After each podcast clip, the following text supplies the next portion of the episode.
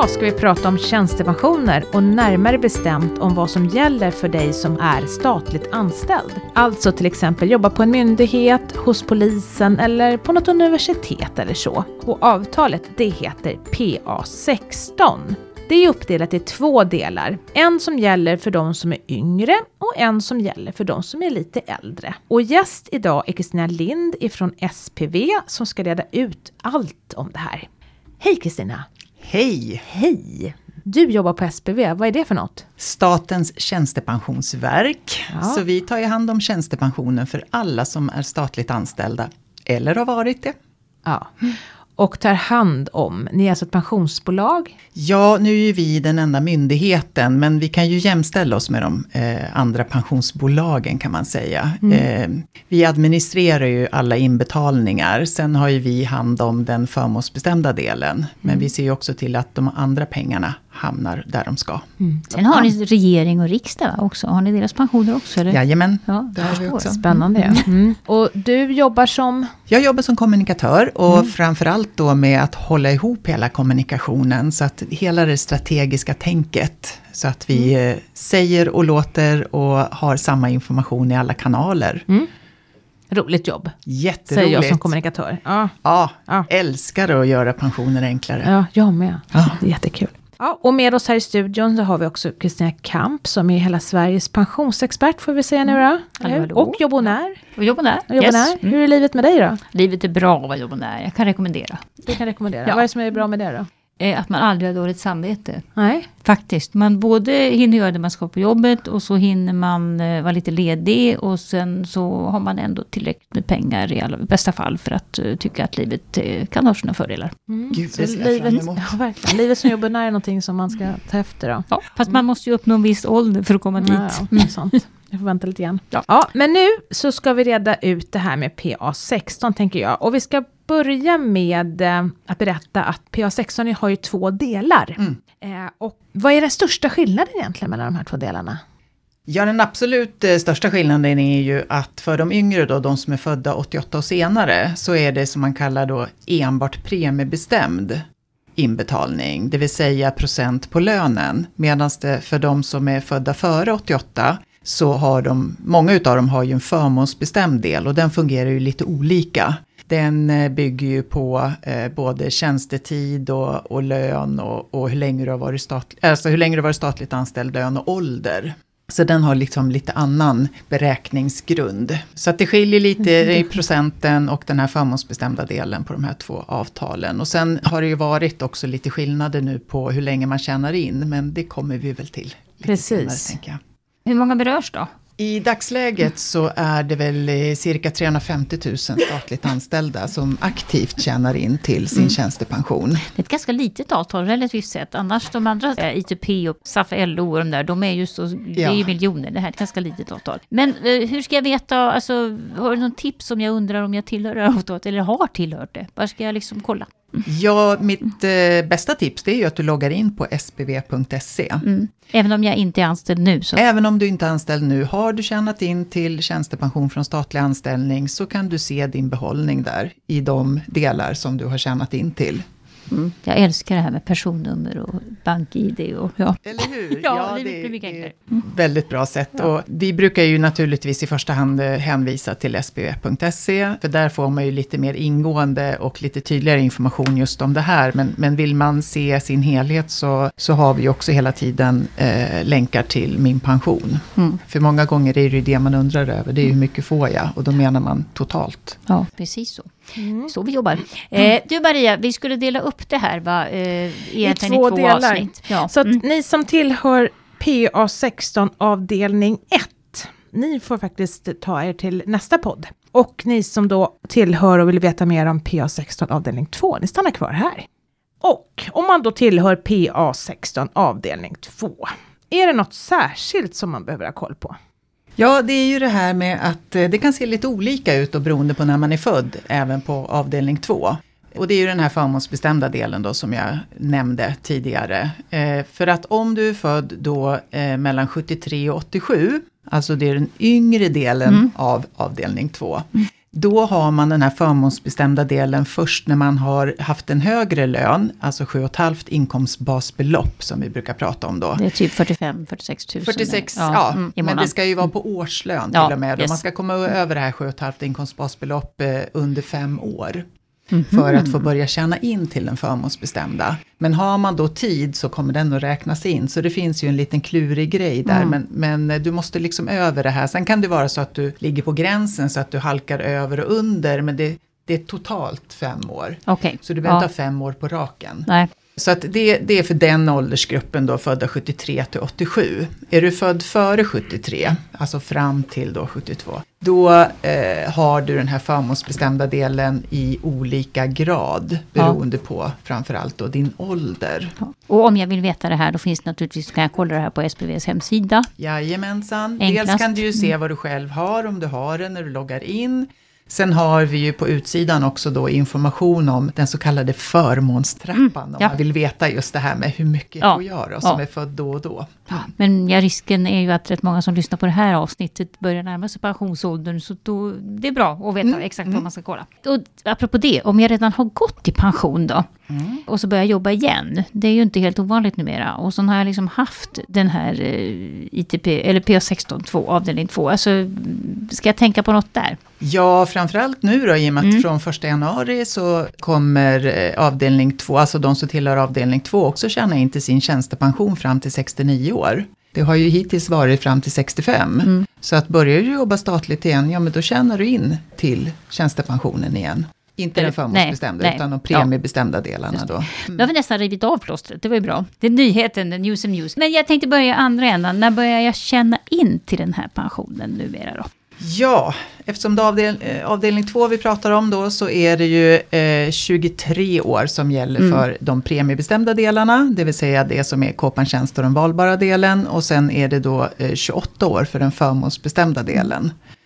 Eh, nu är ju ingen som börjar. Nej, ingen men man kan ju undra. än, men, Man kan men ju- man ja, har det. börjat. Ja. Och det, det får vi många frågor om när det börjar Mm. bli dags. För att man kanske, framförallt på den förmånsbestämda delen, när vi då talar om vilken tjänstetid vi har räknat med, då är det en del som tycker att det saknas tid. Ja. För att de började jobba när de var 19, 20. Mm. Eh, Så det, det är en ganska vanlig fråga. Eh, Vi, vi försöker vara tydliga med det till och med på beslut och sådär, att, att det här räknas från 28 år. Och hur, hur är det med, som i andra avtal, då, det här med vik, gamla vikariat och timanställningar och sånt. Det kan man också eh, gå miste om tjänstepension för att man så att säga inte har varit fast anställd. Eh, Ja, det, du ska ju komma upp över 20 procent. Ja, eh, okej. Ja, i, i tid då. Mm. Som, för att det ska liksom räknas som den förmånsbestämda då. Premiebestämda det är ju, Ja, det är bara raka rör. det är bara ja, precis. rakt av. Ja. Ja, procent på Är det några val då som man ska göra? Det är det en del avtal. Ja, det är det ju. Är det det? Kommer du som nyanställd till staten så är det ju då en valbar del i det här Mm. PA16. Och den kallar vi helt enkelt för den valbara delen. Eh, Så det får man ju information om när man börjar jobba statligt och hur man då eh, kan göra om man vill välja. Men man får också information om vad händer om jag inte väljer. Mm.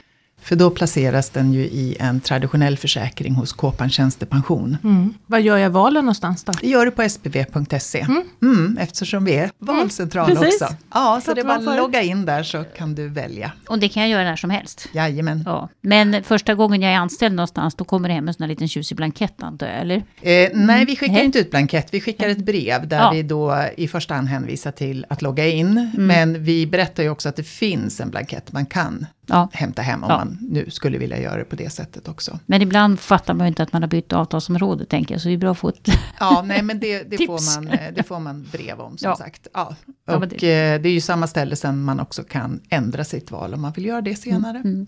Men är det så att jag kan välja precis vad jag vill? Nej, man måste ju välja bland de bolag som är anslutna till P16. Och det är åtta bolag i dagsläget då. Mm. Och så får man välja mellan traditionell, och eller fond. Ja, Kan jag välja 100% fond, 100% tradd eller har ni en sån här gräns att man måste välja delvis tradd? Du kan välja antingen eller. Ja, Ja, du kan inte dela upp. nej. Nej. Okej, och sen går vi till det här då hur länge arbetsgivaren betalar in pengar. Det är ju så trevligt nu att kunna säga att nu är det till 69 år Ja. från första januari. Det har ju varit 65 fram till nu för avdelning 2, vilket Mm. kan ju kännas lite tråkigt när man har personer som verkligen vill fortsätta Mm. jobba och det här kanske blir en liten issue. Sen vet vi att det finns de som ändå fortsätter att jobba eh, och har gjort så utan att få någon inbetalning. Så det här är ju jätte, jättebra ändring. Och då gäller det de premiebestämda delarna, Ja, alltså de som är Ja. procentuellt på lönen. Men det är ju fantastiskt bra. Är det någon retroaktivitet i det här? Nej, Nej. det är det inte.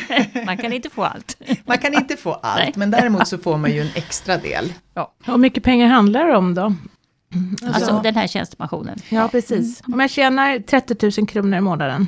Ja, och då är det ju så att i dagsläget då så tittar vi på avdelning 2 så har du den här förmånsbestämda delen och den är ju liksom lite trickig då eh, att få med. Eh, men, men man kan ju säga så här att om man är född 65 och så räknar vi på dig som att du vore nyanställd och säger att du har en lön på 46,5 då skulle du ha en inbetalning till tjänstepensionen på ungefär 3 500 i månaden. Och nu ska vi dessutom addera lite grann. Nej, det var då. om ni hade 46 000, sa du Ja, det? är på gränsen där. Ja. Det är på Ja, gränsen. då är liksom, Och 30 000, då räknar man helt enkelt eh, 30 000 gånger 6 procent, eller?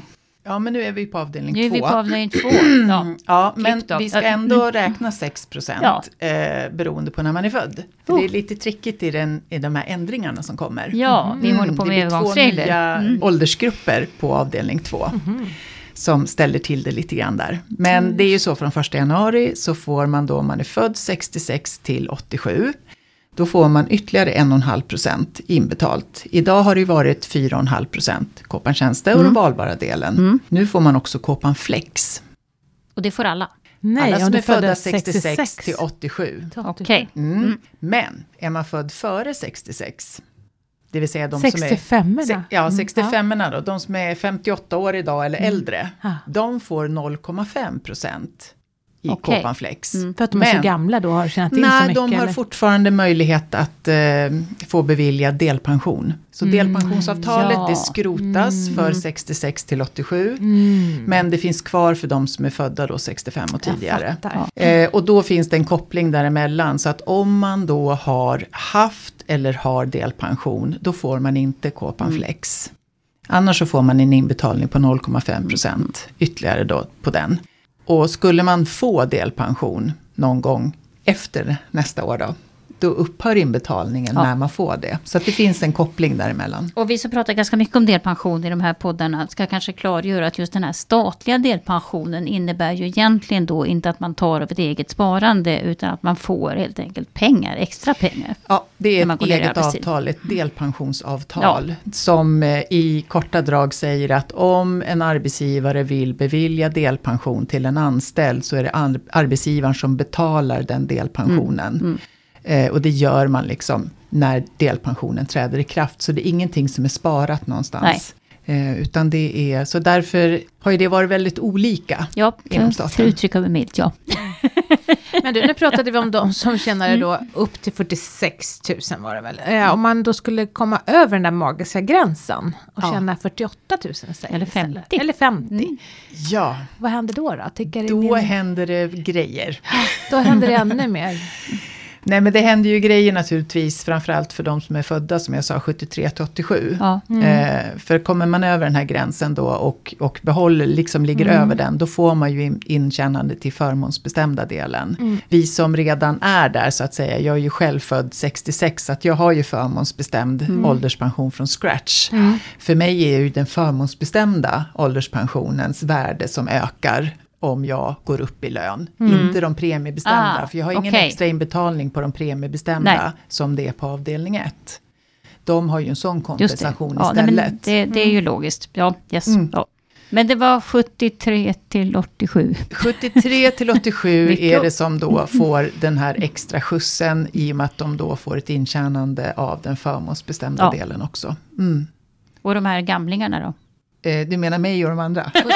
73 62 och neråt. Ja, men som jag sa, eh, vi har ju ett intjänande utav förmånsbestämd eh, från, från, liksom Från scratch, scratch. ja. Ja, men så, ja, och då, yes. får man, Ja. då finns det i den här förmånstrappan så finns Mm. det olika kolumner kan man Ja. säga. Så att det finns ju ett visst eh, procentuellt upp, eh, intjänande upp till 7,5 och sen finns det ett mellan 7,5 och 10 tror jag. Sen finns det ytterligare, finns liksom olika kolumner när man kommer upp i höga löner. Vilka är de magiska åldersgränserna här nu? För nu har vi pratat om Ja, väldigt mycket mycket olika. årtal. Jag Vilka- tänker så här, ja, på ett mm. sätt tycker jag att det statliga avtalet är så enkelt och rent och sen så på något vis så blir det ändå krångligare än alla andra. Det är många år, årtal att hålla ja, rätt på. Ja. det är mycket Och nu blev årtal. det två nya åldersgrupper. ja, så kan Ja. vi ta dem liksom... Den första åldersgränsen, vad gick den? 66? 1966? Ja, det, alltså i den, Mm. de- den ändring som kommer nu, som vi måste lära oss, det är Mm. ju då eh, den ändring som du säger vid 66. Ja. De som är födda 66 till 87 då, Mm. De får ju nu kåpan flex på 1,5 procent. Eh, där får man också en höjd lägsta ålder för när man kan börja ta ut tjänstepensionen. Mhm. Mhm, till Och- 63 år. Okej. Ja. Och de andra som är äldre, då är det 61? Utom för kåpan flex, om de får den, då blir det 63. Okej. Den. Ja, jag vet. Jag vet. Ja, det är inte men vi enkelt. tar Mm. det, det. Jag brukar rekommendera faktiskt eh, både SPVs hemsida naturligtvis, för där står det. Och sen brukar vi faktiskt också på min pension i vårt pensionsbibliotek som heter Allt om pensioner, brukar vi gå igenom avtalen och lä lägga dem bredvid varandra så man kan jämföra. För nu är det väldigt mycket olika åldersgränser och väldigt mycket olika premieinbetalningar. Så att eh, det går ju inte att ha det här i huvudet utan då får man ju faktiskt leta rätt på siffrorna. Ja, nej, men det stämmer. Det, det börjar bli lite trixigt. Precis, Nej, men det är väl viktigt att man håller reda på vilket år man själv är född, det kanske Det kan man vara vet. bra, Det kan ja. vara bra. Och sen så liksom vad gäller för mig verkligen då om jag är statligt anställd. Ja, ja. ja, det Så stämmer. man får göra läxan själv Ja, så vi, vi brukar också säga det att logga in, så börjar man prata för allmänt så, så vill man ändå veta, ja men vad Mm. gäller för mig? Ja, Mm. logga in är bra. Och då brukar vi säga logga in på sb.se, då ser du vilka delar du har, hur mycket värde det är i dem och hur de fungerar. Ja. Och sen när vi kommer till den här målgruppen pensionsplanerare, som är kanske den aktiva målgruppen ändå hos oss också, då har ju vi med i våran så kallade checklista att man ska, vi vill ju gärna att man börjar i uttagsplaneraren, så Ja. man tittar i det stora och så Mm. börjar man liksom identifiera sina Alltså min pensionsuttagsplanerare. Min pensionsuttagsplanerare, precis. Mm. Hörru du, och sen så ibland kan man bli sjuk. Japp. Vad händer då? då? Ja, det är det fina i kråksången här också då med ändringarna som kommer. Att eh, nu jämställer man även avdelning 2 med avdelning 1, för det har varit lite olika där. Så att blir du sjuk så, så fortsätter arbetsgivaren betala in till din tjänstepension. Till 69. Härligt. Herregud, det, Ja. låter, det låter dyrt. Eh, ja, nu när vi säger blir du sjuk, den Mm. flesta på den frågan är ju liksom de här första 14 dagarna Ja. som har behandlats eh, olika eh, Mm, idag. ja. Så att det blir ju samma, Ja. att det bara fortsätter. Mm. Mm. Och vad gäller om jag ska vara föräldraledig eller vill jobba deltid? Ja, där är det ju ganska samma svar. Alltså så länge du är föräldraledig, eh, ja, jag vet inte om det är just enligt socialförsäkringsbalken, men, men med föräldraledighetslagen Mm. liksom i ryggen, så, så får du ju liksom en inbetalning. Mm. Sen om du skulle fortsätta vara deltidsledig med vanlig tjänstledighet, då kan det ju sjunka inbetalningar, för då blir det ju på utbetald lön, framförallt för de premiebestämda delarna. Men så länge det är, som du säger, då, upp till de här åtta Mm. år tror jag det är, så är det eh, business as usual, alltså det betalas in. Så de offentliganställdas avtal är ju mycket mer generösa än de privatanställdas. Det är liksom inget snack. Lite på gott och ont kanske för många. Kanske lockas att jobba deltid. Mm. Ja, nej, Ja. men det gäller ju att hålla ordning där på vilken slags deltid man har. Mm. Om det är liksom i de här åldrarna eller om det är senare, då måste man vara lite uppmärksam. Ja. Och man Så får inget brev hem. Nej, Nej. det- vi har ju inga sådana uppgifter om, eh, om de statligt anställda. Eh, och det ska vi kanske inte ha heller. Ja. Men, men vi försöker informera om det så tydligt som möjligt. Och Mm. framförallt så försöker vi hjälpa arbetsgivarna så att de har den här informationen. Och kan ge sina anställda, för de är ju ändå närmast. Mm. Ja, det och det är bra. ofta de som får frågorna först faktiskt. Sen kommer vi till nästa. Vi går den här familjebildningsfasen. För då kommer ju alltid det här först. Sen börjar man ju undra vad händer om jag dör? Alltså vad finns det för typer av efterlevande skydd? Mm, det tycker jag är en jättebra fråga. För där märker vi hos oss att vi får väldigt mycket frågor om återbetalningsskydd. Mm. Man är otroligt orolig att man inte har eller kan ha eller får eller har liksom återbetalningsskydd. Och så vet man inte att man har en efterlevande pension i anställningen. För det är ju det man har.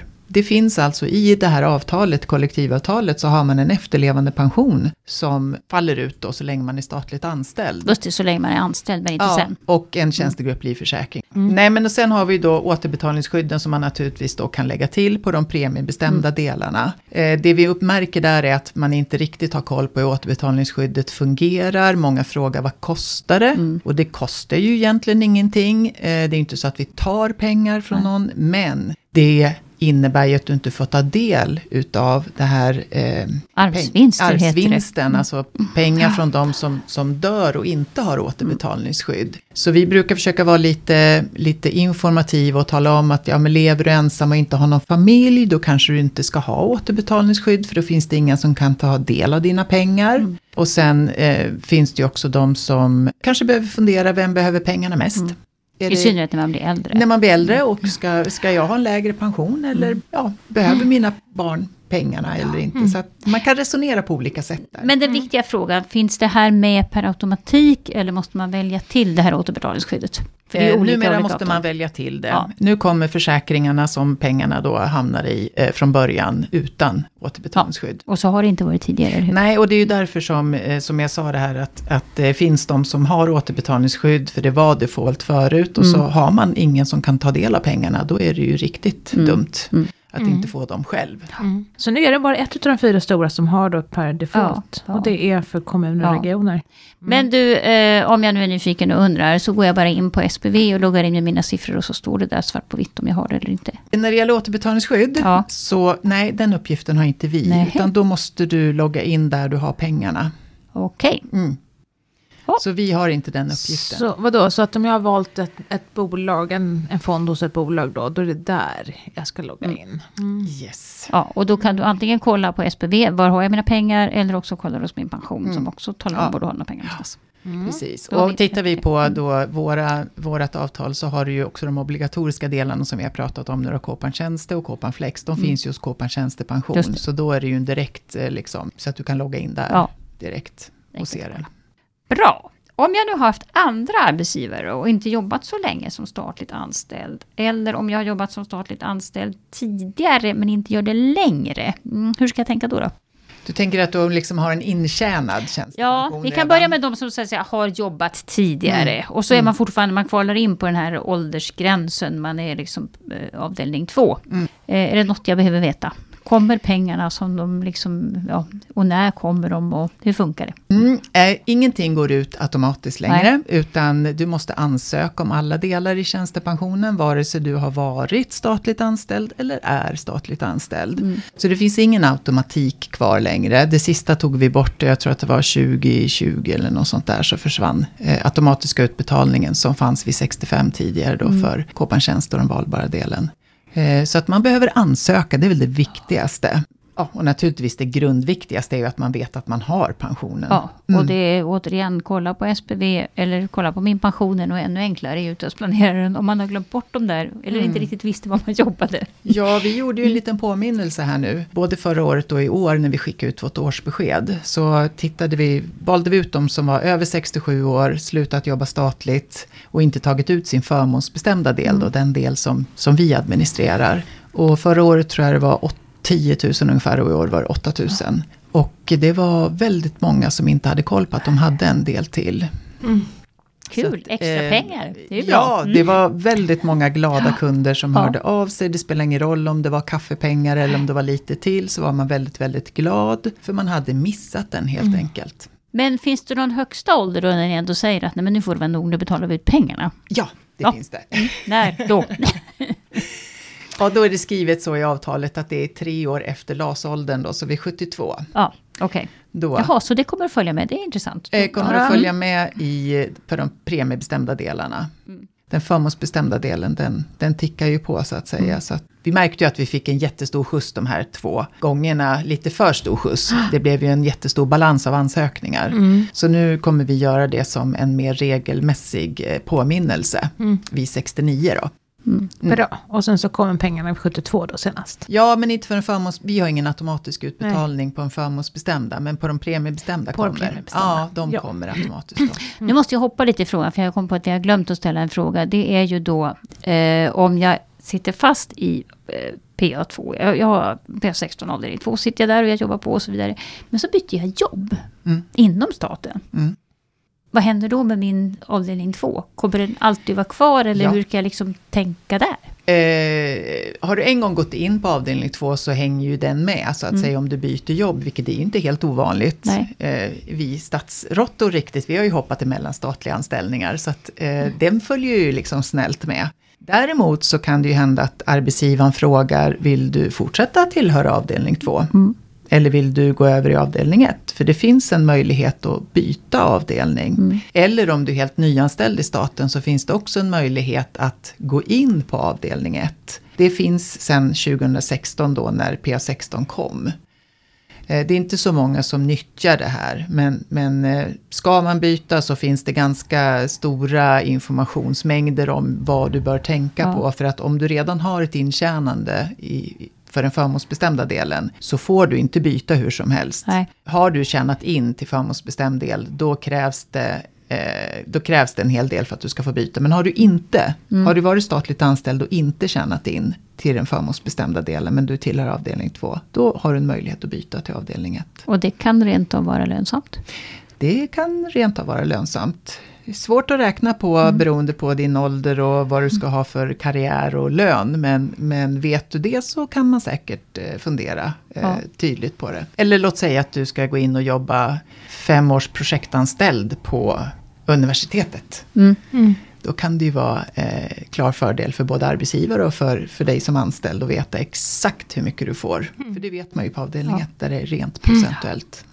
Men jag kan inte ha kvar samma jobb och jag går där på avdelning två och så plötsligt kommer jag på att jag vill byta till ett.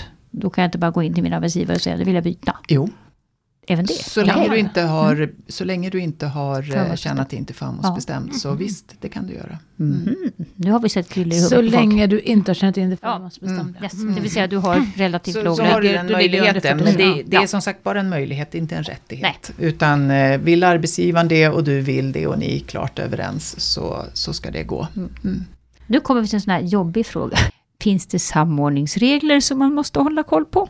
Det vill säga att man har jobbat i andra avtal och liksom så ska samordnas och ha sig. Eller samordnas med den allmänna pensionen. Ja, vi har ju ett gammalt avtal som heter PASPR.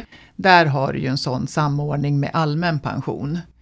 Det är ju ganska länge sedan nu det Mm. avtalet gällde. Finns det några kvar som närmar sig pensionsålder? Eller har alla Nej, gått det är inga kvar som jobbar på Nej. det avtalet, Mm. utan det är ju snarare de som är pensionärer tjänade in på det som varje år måste vara uppmärksam på det här. Mm. Eh, Jag tror att de flesta börjar ha koll Ja, på det nu. ja. Eh, sen har vi ju viss samordning utav tid när det gäller den förmånsbestämda delen. Eh, och då är det ju framförallt typ mellan kommunal och statlig tid. Okej. ja. Så kan det vara så att man samordnar tid om du har varit mindre Mm. Tid på den ena men inte på den andra och sådär. Eh, Så det brukar man lösa ut då när det är dags eh, att ansöka om den Mm. förmånsbestämda Mm. delen. Det är bra att liksom ha i bakhuvudet att man ska i alla fall kunna kolla sådana saker själv. Ja, för det mesta så har ju det där löst sig av sig själv så att säga. Att eh, har du tagit med dig Mm. eh, pensionsrätt som man då säger den här tiden är, så brukar det funka. Men ibland måste man ju göra det här då när man då eh, när man ansöker. Mm. Ja, är vi klara med Ja, avdelning två här nu? Som att vi är det Ja, va? för då tror jag att Ja. vi säger så här att Mm. du som har lyssnat på avdelning två och inte vill höra på avdelning ett. Nu säger vi hej då till alla som tillhör Som avdelning, två. Så gör vi. vi säger hej då till alla som tillhör avdelning två. Och sen så ni som hör till avdelning ett. Ni får då hoppa in i nästa avsnitt där vi också då har våran avslutning på podden och dagens fråga.